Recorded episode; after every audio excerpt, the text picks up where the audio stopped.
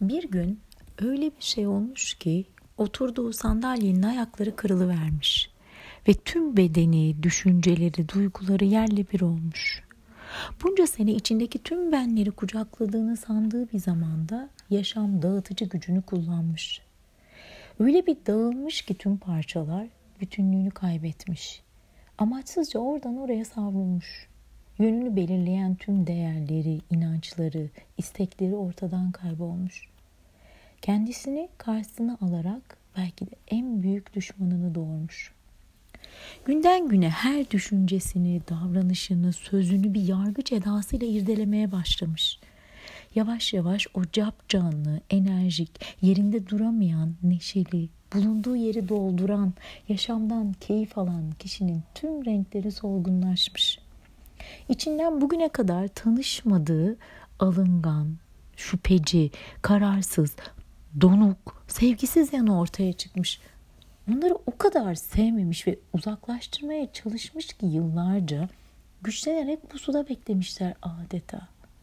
Gücü ele geçirince de hükümranlığını sürmeye başlamışlar.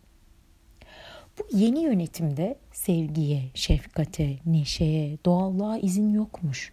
Fikir dahi üretemeyip hiçbir irade gösteremeden kendinin ve yaşamının seyircisi olmaya mahkum edilmiş. Aslında bu oyunun kurbanı da cellatı da kendisinden başkası değilmiş. Her sabah güne sanki hiç uyumamış gibi başlar, ne olduğunu bilemediği bir noksanlık ve yarım kalmışlık hissiyatıyla devam eder sürekli tetikte kendini ve etrafını kontrol eden gergin ve agresif görüntüsünden kendi bile rahatsız olurmuş.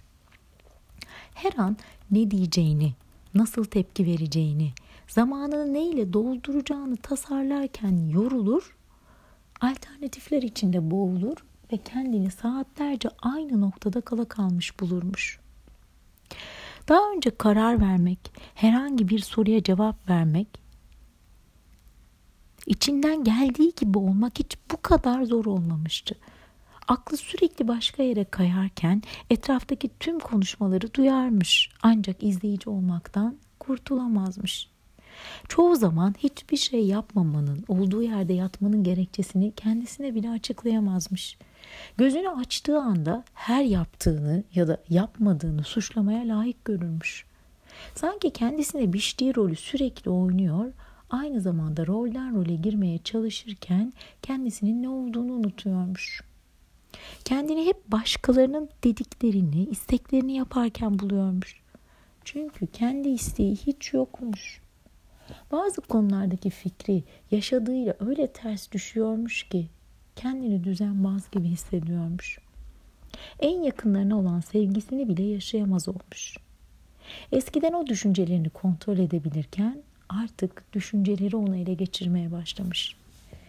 En korkutanı da bu durumun böylece süreceğiymiş. Evet, bu bahsettiğim benim hikayem. Canımı acıtan, kendimle ve yaşamla bağlantımı koparan, çırılçıplak, savunmasız, kimliksiz bırakan, ölümün soğuğunu, çaresizliğini hissettiren, beni ben yapan ne varsa yok eden.